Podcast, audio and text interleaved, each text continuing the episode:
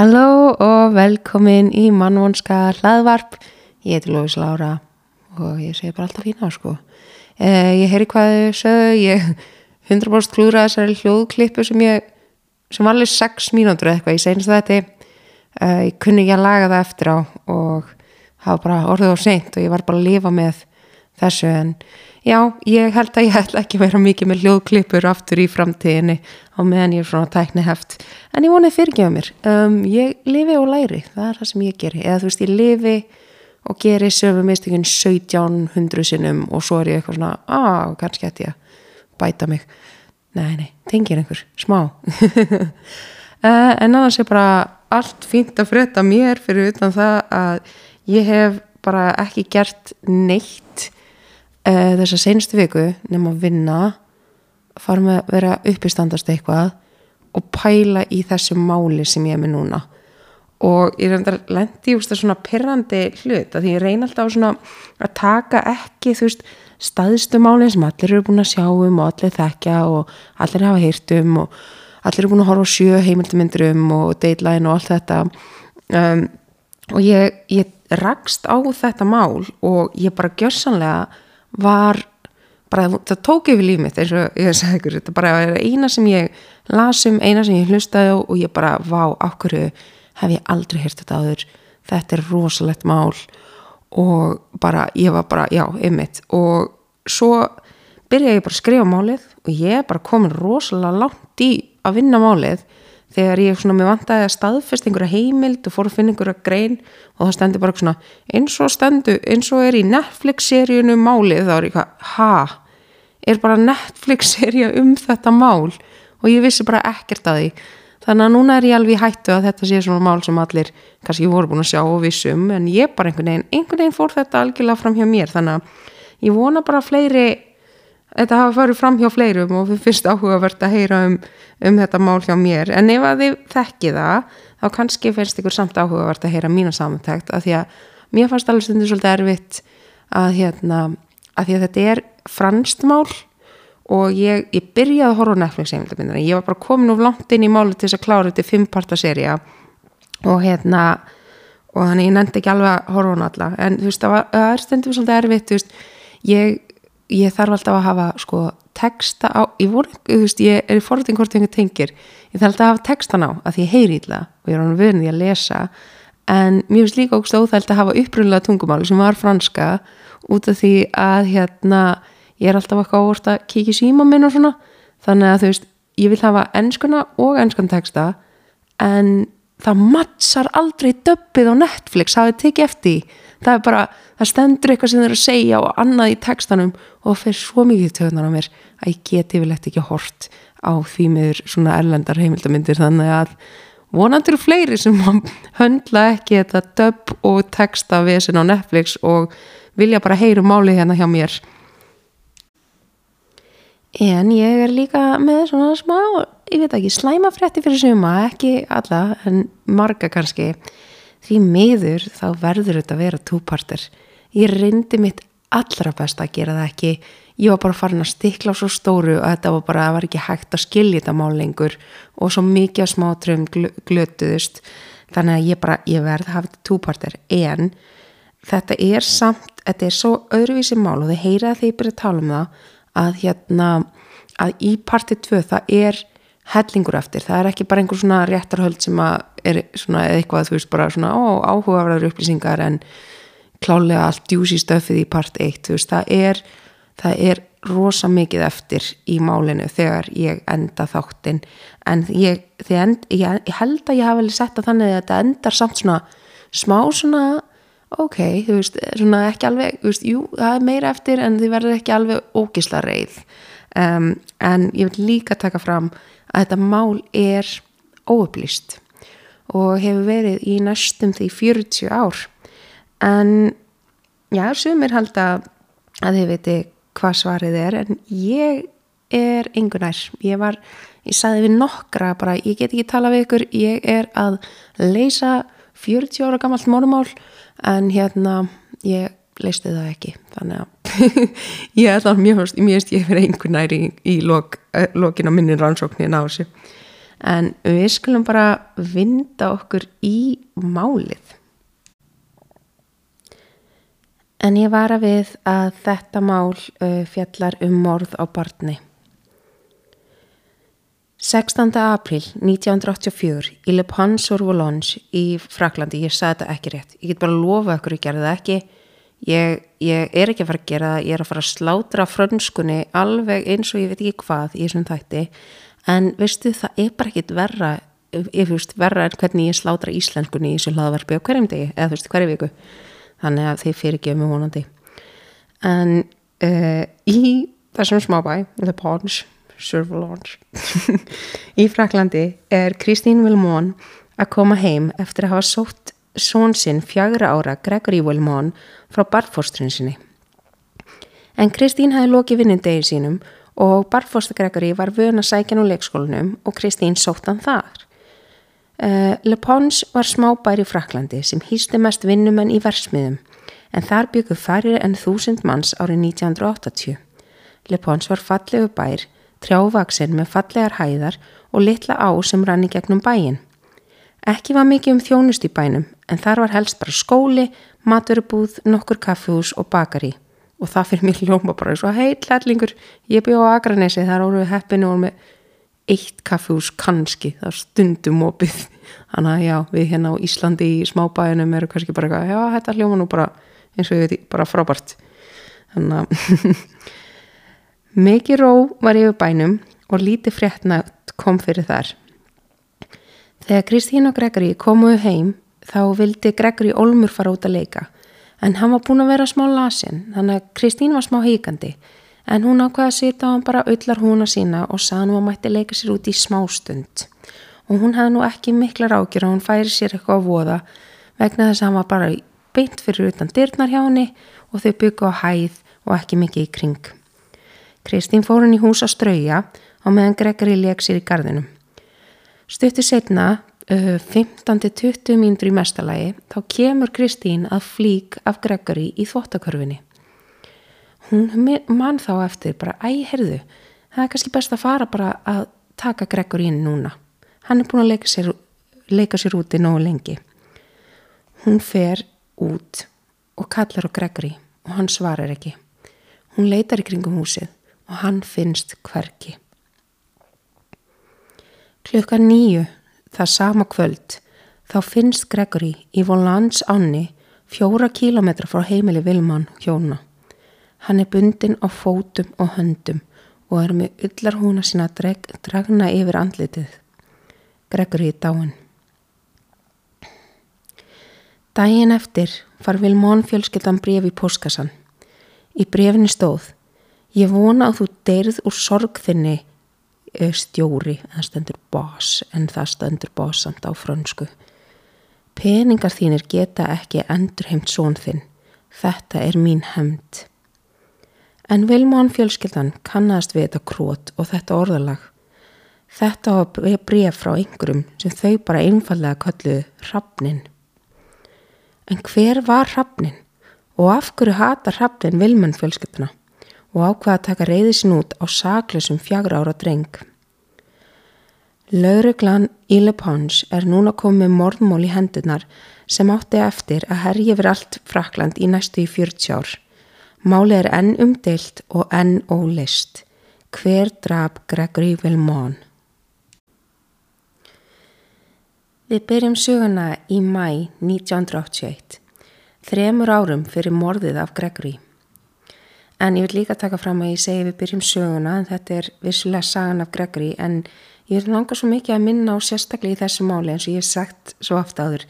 Þetta er ekki bara sögur, þetta er eitthvað sem kom fyrir alvöru fólk og ástæðan fyrir ég er að minna á það núna er að þessi saga og þetta mál, þetta bara hljómar eins og einhver svaka sagamála skáltsaga sem ég legði á Audible. Þannig að þú veist, þegar ég eftir að finna því svona gegnum þetta, þetta hljómar leiglegt en maður þarf svolítið að minna sig á að þetta er bara, þetta var bara því miður raunveruleiki fyrir þessa fjölskyldu. En já 1981 eh, var einstaklega indislegt ár fyrir Jean-Marie og Christine Vilmón en vinna þeirra var að skila sér og þau gáttu keift drauma heimili sitt á eftirsótum stað í smábænum upp á falleri hæð og fluttinn með fyrsta barni sitt einsás Gregory. En Jean-Marie fekk stöðuhækkun sem formaður í einni versmiðun í bænum. En með því kom töluverð launahækkun. En í smábænum voru formen ekkert sérstaklega vel liðnir. Þetta var eftirstótt staða og fylgdi oft mikil öfunnsiki og Jean-Marie var aðeins 22 ára gamal þegar hann fekk stöðuna sem þóttist, þótti einstaklega mikil skandal.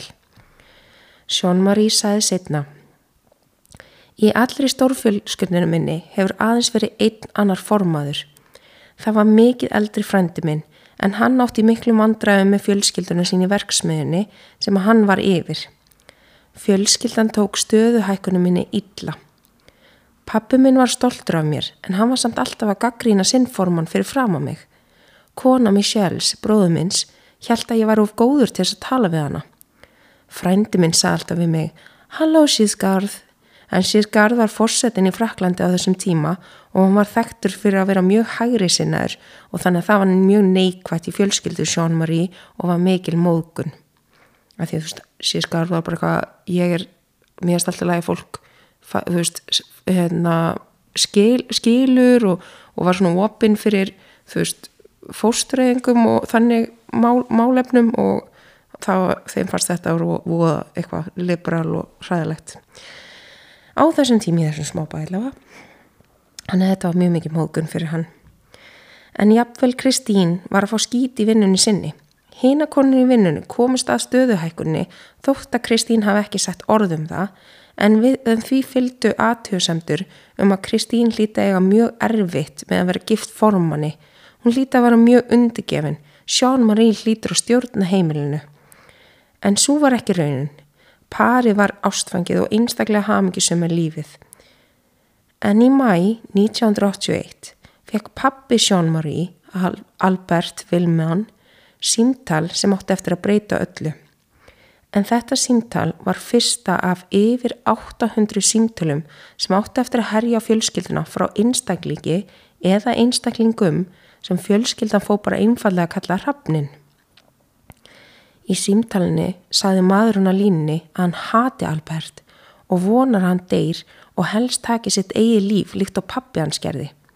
En pappi Alberts var stríðsfangi og eftir að hann losna á brísund þá hengd hann sig í tré. Albert og konans Móník fylgtust á óhug við símtalið en þeim lindi ekki. Hrafnin ringdi stanslust og heldi fúkurðum yfir hjónin. Hrafnin virtist vita fjölskyldu lengdamál eins og til dæmis þetta með föður Alberts en einni var hrafnin ofta vísi það að fyrsti sónur hjónana, Jackie, bróður Jean-Marie, var ekki blóðsónur Alberts.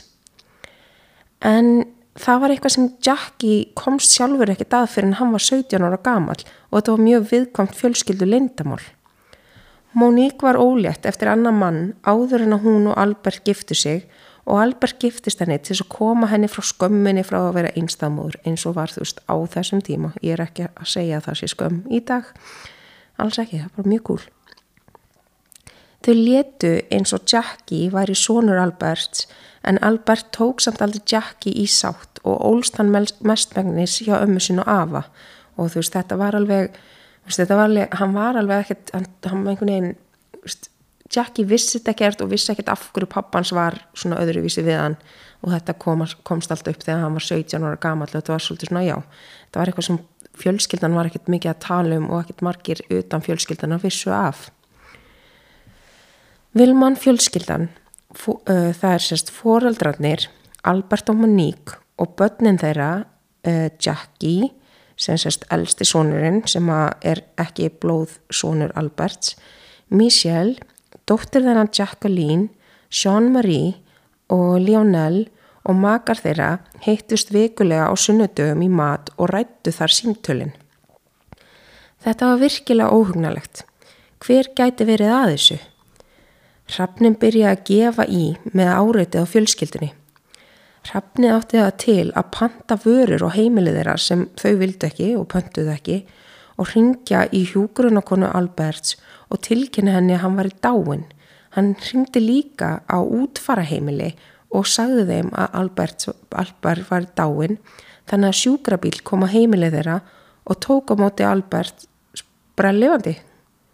Þetta olli miklu kási í lífi þeirra. En svo í ágúst stuttu eftir að Jean-Marie og Kristín fengu sér síma í nýja flotta húsi sitt, fengu þau símtal frá hrafninum. Um, já, þau, sérst, þau, þetta var 1981 í þessum smábæi bara til að taka fram hvaðan á lítill, það voru ekkert lagðar símalínur fyrir ári á undan 1980. En þau fenguðu þá sitt fyrsta símtal frá hrafninum. Það var ekki sagt neitt í síman og það var bara skellt á. Það var hringt linnulöst í þau þetta kvöld. Í eitt skiptið, setna um kvöldið, byrjaði lag að spilast.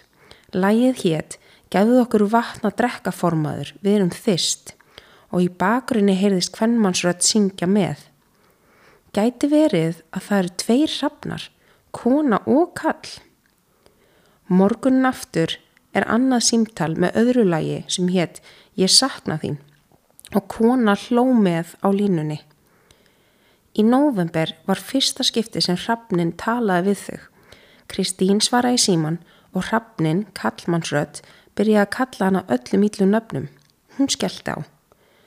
Hrafnin ringdi þá aftur og aftur og aftur og að lókun svara Kristín og sagði Hvað gerði ég þér eiginlega? Og Hrafnin svarar Það var ekki þú, það var gamli maðurinn þinn. En við höldum öll að það var verið að vísa í Jean-Marie mannin hennar en ekki pappinar eins og fólk segir oft old man um pappa. En pappi hennar var dáinn og var ekkert gerði engum neitt held ég. Hrafnin gerði í því að reyna að snúa Vilmón fjölskyldumælum móti hverju Símtólinn snýrist mest á Albert og Monique og Jean-Marie og Christine en hinn sískinin áttu líka eftir að fá símtöl frá hrafninum Allir nema Jackie sem virtist ekkert lenda í hrafninum Hrafnin vissilega talaði um Jackie í símtölunum. Hrafnin gaf í skinn að það voru fleiri bastarðar en Jackie í fjölskyldunni. En bastarður er mjög ljótt orð til að tala um einhvern sem er úst, óskilgetin. En Hrafnin talaði betur um Jackie en restin af meðlumum í fjölskyldunni. Það let margi fjölskyldunni fara gruna að það var Jackie og konan hans sem báru ábyrð á símtölunum. Einni voru tengda fóruldra Jackie, fóruldra Lilian, konu hans, undir grunn. Þau virkuðu alltaf mjög öfundsjúkut í Vilmann fjölskylduna og Vilmann fjölskylduna grunnaði að þau gætu verið að fá upplýsingar um fjölskylduna frá Jackie og Lilian. Þessar ásökanir kom Jackie mikið uppnám og hætti hann að tala við fjölskyldunasunum sinn. Einni lág annar bróður Jean-Maries, Michel, undir grunn.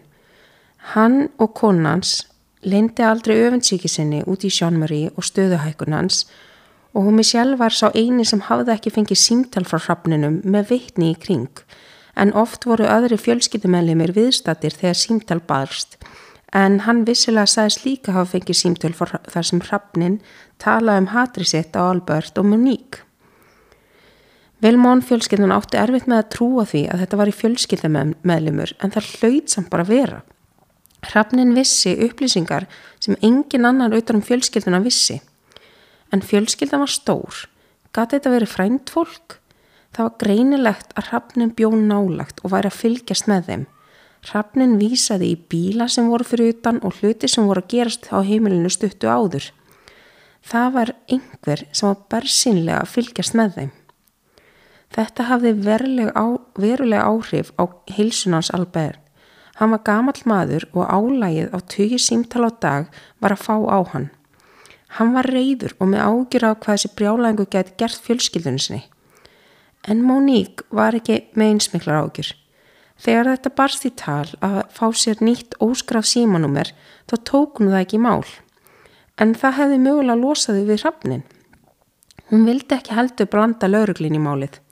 Hún eins og restin af fjölskyldunum var þrjósk og trúði að þetta var fjölskyldumál sem átt að leysast innan fjölskyldunar. Hún talaði oft um að þessu hlitin og bráðum að linna, Hrafnin hlýtur að fá leið á þessu og komast yfir þessa reyði. Hún trúði ekki að Hrafnin myndi stig magnast, hann hlýti bara að fara tjila bráðum. Margir hafa tekið viðbröðum Móník sem svo að hún vissi mögulega hver Hrafnin var og taldi þann einstængling ekki vera ógn. En að minnst okkursti hafði hún kannski einhvern grunaðan. Hjælt Móník kannski að þetta var, einna, að þetta var eitt af hennar börnum og vildi ekki koma þeim í vandræði. En því miður hafði Móník ránt fyrir sér. Hrafnin var bara að byrja. Eitt kvöldið þegar Kristín var ein heima með Gregri þá heyrði hún skarkal á heimilin sinni. Rúða hefði brotnað. Hún horfur á gluggan og sér hendi koma inn um brotnu rúðuna. Kristín er verulega bröðið. Hún grýpur litla Gregri þjætt að sér og ringir í Sjón-Marí sem var á næturvakt á verksmiðinni. Sjón-Marí segir henn að ringja strax í nágrana þeirra sem mætti á heimili þeirra stuttu setna með riffil en þegar hann kom á, kom á vettvang þá var skemdavarkurinn á bak og brott. Þetta vakti óhug hjá Sjón-Marie og Kristín en þau tengdu þetta samt ekki við hrafnin fyrst um sinn. Þau hugsaði að kannski var þetta fullur maður á villast en þau voru, settu samt járnreimla á rúður á heimilinu til þess að koma í veg fyrir að þetta gerist aftur. En stuttu setna ringir hrafnin í Móník og kortar sig af skemdaverkinu við hana. Hann segir, ég hrætti konu Sjón-Marie verulega en ég er bara að byrja, ég er næginni næst. Hrafnin hótaði ofta ná Kristín og nöðga henni. Jean-Marie voru hann verla hrættur um hennar öryggi. Hann rettaði henni lítilli bissu til að ganga með og Kristín gisti hjá fóruldrum hennar með Gregory þegar Jean-Marie var á nætuvakt. En Kristín var hægt að fara í bæin í erindagjörðum en það er rosa mikið menning í Fraklandi á þessum tíma að allavega konurnar fór í búðuna daglega til að næla sig í fersk bagett úr bakarínu og vín úr búðinni. Þannig að hrafnin var að hafa veruleg áhrif á daglegt lífina Kristín. Meira segja litli Gregory tók eftir áreitinu. Í hvert skipti sem síminn ringdi og litli Gregory sá andlit fóldra sína, sagði hann alltaf, er þetta vondi kallin aftur? Aldrei grunaði neitt að litli Gregory var í hættu. Engi myndi láta hatri sitt byggna á litlum fjagra ára strák. Í átján mánuði pindi hrafnin Vilmón fjölskylduna. Í eitt skipti ringdi kona í vinnunan Sjón Marie og baðum að fá að tala við The Boss eða yfirmannin. Þegar Sjón Marie kom í síman þá var kallmannsröld í símanum. Þetta var hrafnin. Hrafnin byrja á sínum vanalegu fúkirðum. Sjón Marie ætlaði ekki að láta hrafnin hafa áhrif á sig. Hann vissi að hrafnin fengi ánægur því að koma þeim í uppnám. Hann ætlaði ekki að gefa hrafnunum það.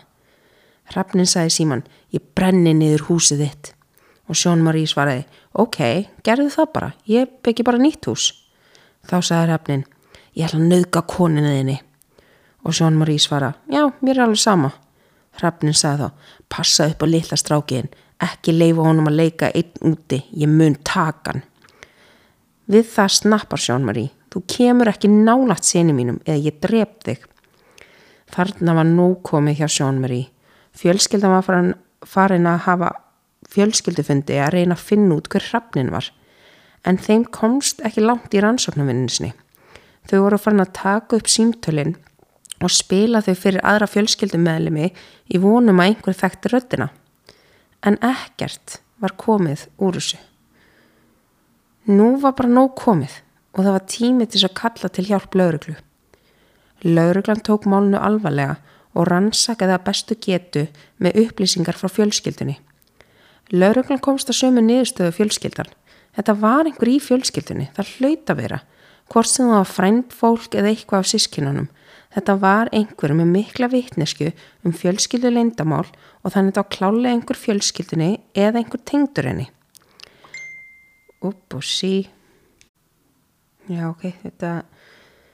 Ef, ef Tommi er að hlusta á þetta podcast þá vil ég að vita að þú skemmtir hérna upptökuna með því að senda mér gangið vel með podcastið á Messenger þá bæði kom hljóð og ég týndi hvar ég var í málunu þannig að takk fyrir að styðja mig. Um, en laurreglan komst einni að því að ég held ég hafi verið hér ok, sem sagt, já laurreglan var að uh, komst að sömu niðurstöðu sérst, þetta var hlauta, hlauta verið einhver í fjölskyldunni eða tengdur henni. Þau komst einnig að því að þetta væri einhver sem bjó í sama smábæ og líklega líklega snálegt Albert og Monique því hann var með upplýsingar um hluti sem voru að gerast á heimilinni hvert sinn, hverji voru að koma og fara og svo framvegis. En lauruglum var yngur nær. Ákveði var þá að lauruglan ætlaði að hlera og rek, reyna að rekja símtölinn. Setti lauruglan upp búnað og þá var bara býða. Býða eftir að Hrafnin ringdi. En hann gerði það aldrei. Hrafnin hafi komist á slóður um áform lauruglu og snar hættu símringingar. Nokkrum dögum setna bast Albert bref. Í brefinu stóð Ég er hættur. Þið muni aldrei komast að því hver ég er. Og þá stoppaði allt.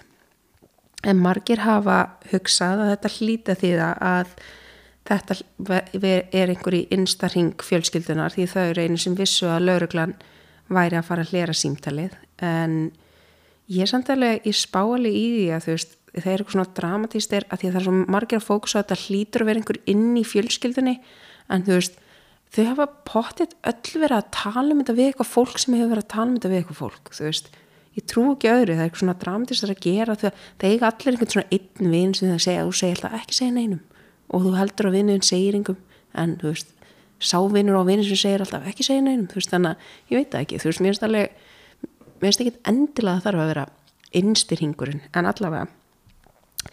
eins fljótt og þetta byrjaði, þá dói þetta hægt og rólega var allt farið að komast í eðlert horfi á Vilmán fjölskyldinni með tímunum voru þau meiri segja hægt að tala um þetta. Þau voru bara hægt að spá þessu. Hrafnin er búin að ná úr kerfinu sínu. Kristín byrjaði að fara aftur út í erandagerðir og enginn stressaðist lengur upp þegar símur ringdi. Það leið meir en ár. Allt var orðið bjart hjá Sjón-Marie, Kristín og Gregory. Þau voru að tala um að stækka húsi sitt og kiftu mér þess að leðursófa sem var mjög stór hlutur á þessum tíma á þessum svæði. En það var bara svona ríkt fólk sem að gæti eitthvað að kift sér leðursófa og borga fyrir hann í fullt. Þau voru að hugsa um að eignast hann að bann og þess vegna vildu þau stækka húsið. Þau fóru í, í utalansferð með tingdafóldur sínum og það var líka mjög umdelt í smábænum því að fólk annarkort hafði bara ekki efnu að fara í frí eða þau horfðu niður á fólk sem fór í frí, fannst þetta voða svona og hver, hver heldur þú og þú sért? Þú ert svo, bara þið haldið þið séu slá fín og eitthvað svona þú veist, fólk horfði, var rosalega reitt og önsjúk út í fólk sem átti pening á þessum tíma á þessum stað. Og fólk er þannig ennþá í dag, maður er alltaf að sjá eitthvað, kemur einhver veist, grein á vísum fólki sem að tilkynntu kyn með þyrlu og allir bara að peningar eðisla hvað að það var fólki? Og bara æ, meira pæli bara eitthvað hversu deytið kynjaveislur eru vegna þess að þú veist ekki barnið fyrir hún að segja það það. Er, það er hérna manneskjan, eða kannski þetta er öruglega bullshit en ég las einhvers þar að manneskjan sem gerði kynjaveislur frægar, hún var með svona fyrstu kynjaveisluna átti transbann þannig að kyni sem að manneskjan sem var með fyrstu kynjavæsluna tilkynnti var rámtkyn þannig að já, já, mætti kannski freka gaggrina það heldur en hvernig fólk kýsa eða peningur sínum að gemur okkur bara nákvæmlega ekkert við. Um, en ég verða að segja það samt að mér er samt eitthvað svona miða við, ég er ekki alls ekki að victim shame að þau á neitt nátt hérna en með því hvað þau voru eitthvað svona vákaða leðilegt hvað allir hata og gröðum pening þau voru rosa mikið að flassa peningunum sínum. En ég menna you do you þú átt hennar peningum, vannst fyrir honum og gera sem hún vil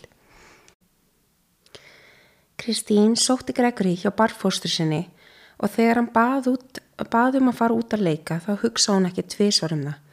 Hrafnin var lungu flógin í þeirra augum. En þegar Kristín uppgötar að litli Gregory er ekki lengur út að leika sér Þá hleypur hún á nágrunum sinum. Hafiði sé Gregory spyr hún. Nei, svara þau. Hún hleypur í kringum húsið og skoða nálagt svæði. Hún fer svo aftur heim til þess að ganga skugga um það að hann hafi ekki bara farið aftur inn og hún sá hann ekki. En Gregory var algjör hekkilómur og það geti vel verið að hann væri bara að fela sig. En hún leitaði allstaðar í húsinu og fann hann hverki. Gregory var ekki neinstaðar. Kristín hugsaði að kannski hann lappað til vina sinn sem hann langaði svo mikið að fara í fókbólta með daginn áður eða hann hafi kannski farið til ömmu sinu afa. Þannig að hún hoppa í bíli sinn og fer að leita. Á meðan er Michelle heima hjá sér. Hann fær símtal. Þetta er kunnuleg rödd. Þetta er hafnin ég ringi þig því að enginn svara við hliðin á þér.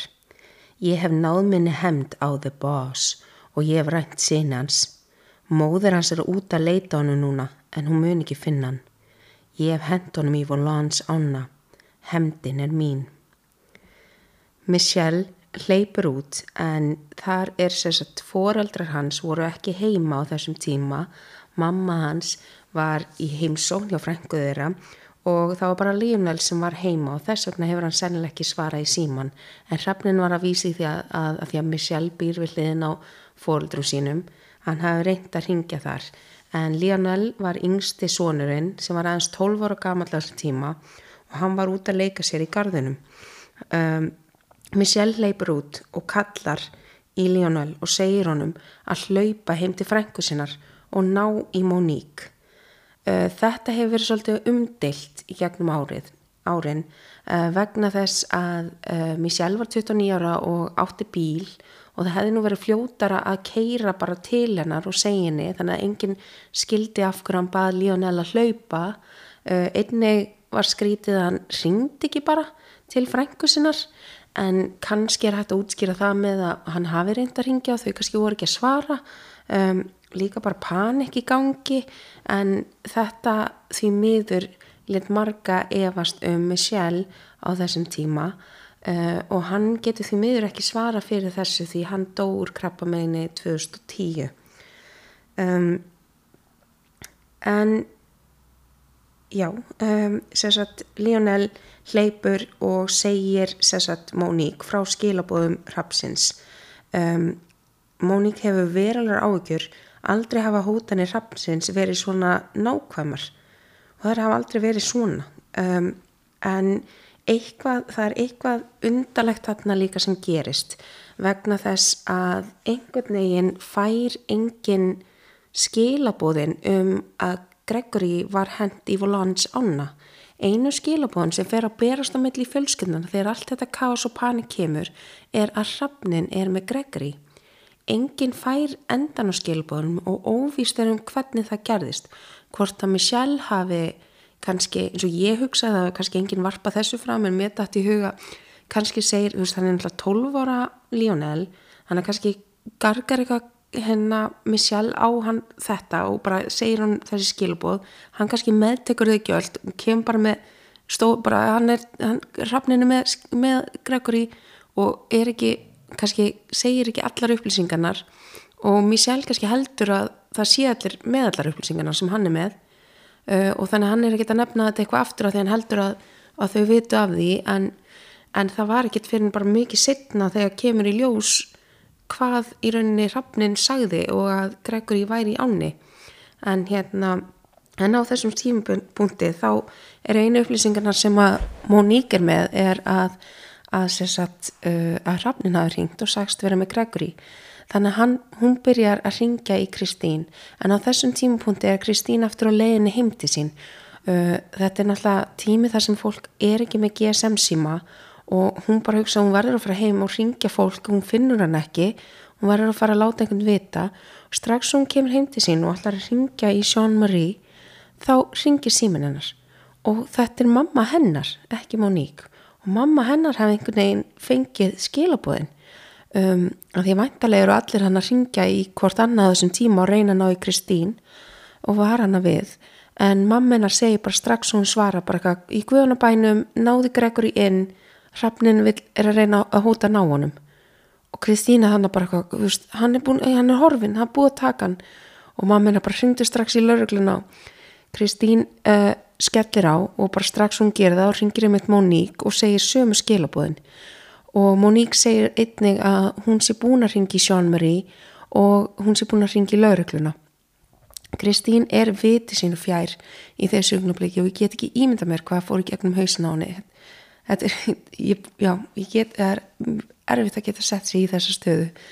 En á þessum tímabundi er Sjón-Marie í vinnunni hann fær skilabóðin og náttúrulega strax bara hoppar út í bíl og brunar heim og ég get ímynda mér ef að Michelle hefði sagt við hann í síman þarna þar sem hann var vist sá sem hringdi hann að hann væri áni þá hefði hann farið beinstuleg þangað.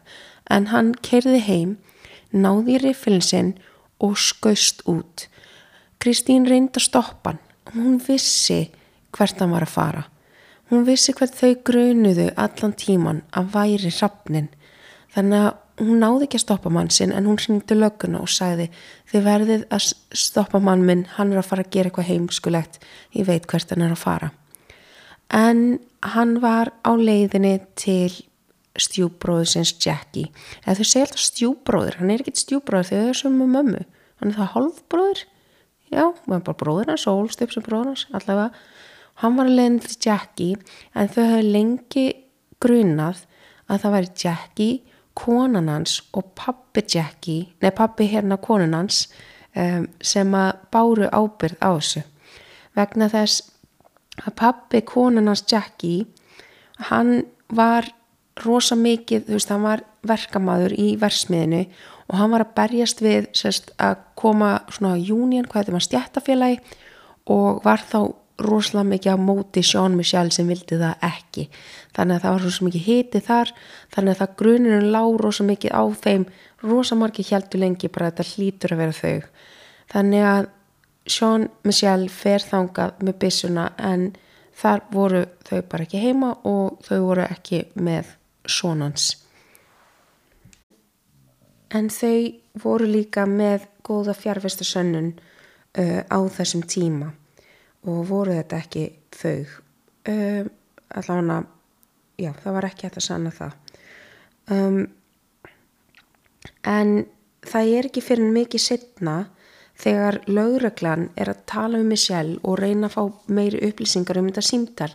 Þau eru, þau, hann, hann tók ekki upp þetta símtal, þau voru lungu hægt að taka upp símtalin, þannig að lögreglan var bara að trúa Michelle um það sem hann var að segja væri sannleikurinn, bæði um hvað var sagt í símtalinu og hvernig tótnin var. En Michelle saði hann gati eiginlega ekki greint í hvort þetta væri hvernmanns eða kallmannsrödd en á, þetta væri klálega hrappnin, hann þekkti röddina en hann var mun stressaðri og æstari hann hafi nokkuð tíman áður verið. Og í þessu samtali kemur þá upp að hann væri í volans áni.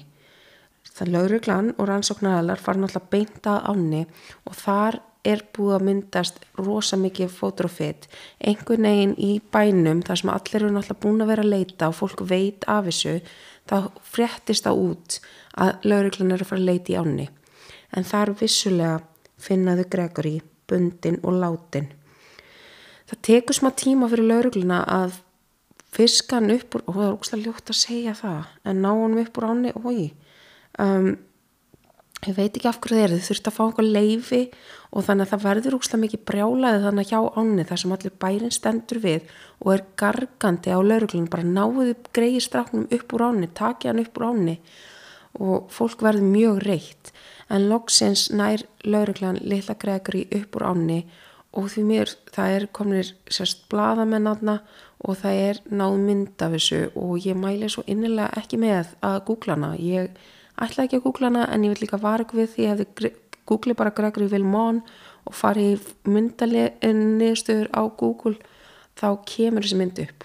Og þetta er, þetta er rosalega átakalegt að sjá. Og mæl ekki með að, að skoða. Uh, já. Já, ég nú er ég aftur að hugsa um þessi mynd og ég vil ekki hugsa um hana. Hvað var ég? þetta fór, já. Um Já. Mikil Ránsókn fer í gang. Allt Frakland fekk þetta mál á heilan. Engin vissi hverju ósköpunum gatt verið svona hatursfullur og kaldrifjöður. Getgóttur og orðurómar fara sveim um Vilmón fjölskyldan og þau voru gjörsamlega á tönnum allra í Fraklandi. En þarna bara hreinlega verð ég að part tvöða þetta. En í gegnum árin hafa verið margir grunaðir og tveir handteknir fyrir málið en enginn hefur verið fundið segur um málið.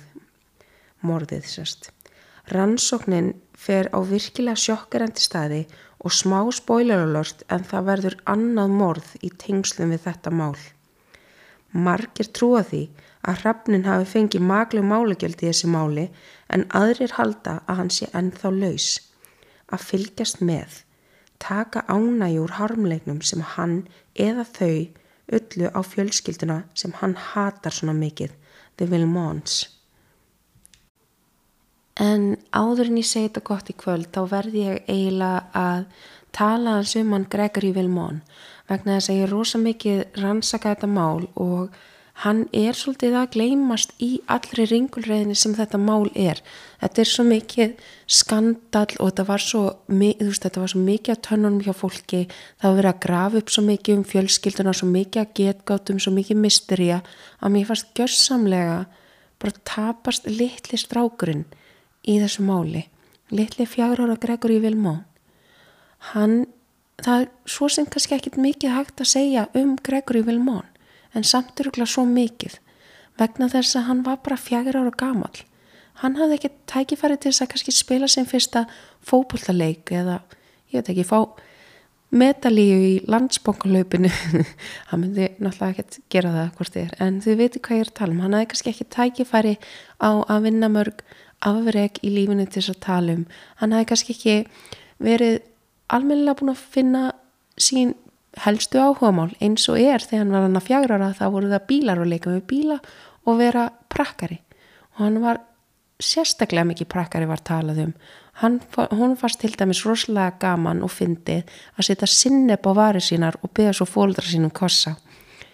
En Gregory var bara rosalega ljúfur, fyndin, stríðin, ungu strákur sem hann lappaði alltaf með henduna fyrir aftan bak og pappans myndi mitt eftir því að þegar hann skuttlaði hann í skólan þann dag og seinasta sem ég sá hann um var þegar hann var í veifaðan í burtu og setti svo hendurnar bak við, bak við sig og röldi inn í skólan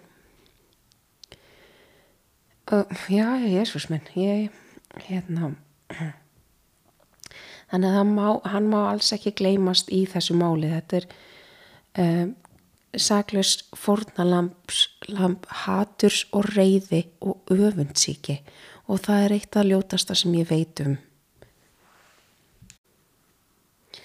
En í part 2 þá ætlum við að fara yfir rannsóknina á málinu og það sem gerist í kjölfarið. En eins og ég sagði áðan þá munu tvær manneskjur vera handteknar fyrir málið. Hvorugur á þeim manneskjum er það sem ég hef nefnt hérna sem það sem voru helst grunaðar í málinu og mun kannski koma ávart. Einn þeirra hefur ekki verið nefnt hinga til en hinn kemur mikið ávart. Um, að sjálfsögðu getið alveg spóila fyrir ykkur og lesið um þetta á netinu eða horta á Netflix heimildamindina. Ég, ég mæli nú alveg með eða þú veist ég er samt horfið sjálf ekkert á Netflix heimildamindina en ég gerir samt alveg ráð fyrir að sé svo miklu meiri upplýsingar að því að ég er alveg með mun fleiri upplýsingar en mikið að sem hugsa ég að þetta er nú kannski tilgangslöst og maður vill ekki vera alveg að overlóta með öllum símtölunum, þetta voru alltaf yfir 800 símtöl af hatursfulli bylli um, en já, ég mun farið við það og svo já, það var virkilega sjokkirandi hérna morð sem kemur í kjölfarið ásu og það er mikið meira sem er inni í næsta þætti en annars ætlum ég bara að segja þetta gott í kvöld og fara að ég, það eru ekki margir að garga mig að fá mér að drekka. Ég er, ég er að reyna að drekka, ég er bara svona með eitthvað hérna en þó, ég, ætla, ég held að ég sé bara persónleiki mér núna er að vera hálf lasin, veit ekki hvað hvaðan þetta kom. Það er bara treytmarki mitt. En hérna, já, ég ætla bara að segja þetta gott en ég hérna vill bara minna það ef þið eru að hlusta á þetta núna á fymtudegi þá getið farið í kvöld á Café Rosenberg. Það er frítinn, þetta er gamla stofan og þetta er í kjallarunum þá er frýr open mic á íslensku sérst uppistand. Þannig að ef þið hafið gaman á uppistandi þá getið séð grínist að vera eitthvað svona pröfanýttefni eða, eða þú veist, eitthvað fímbúsa eða einhverju uppistandur sem hafa aldrei komið fram áður. Og ef ykkur langar að pröfa getið skráð ykkur.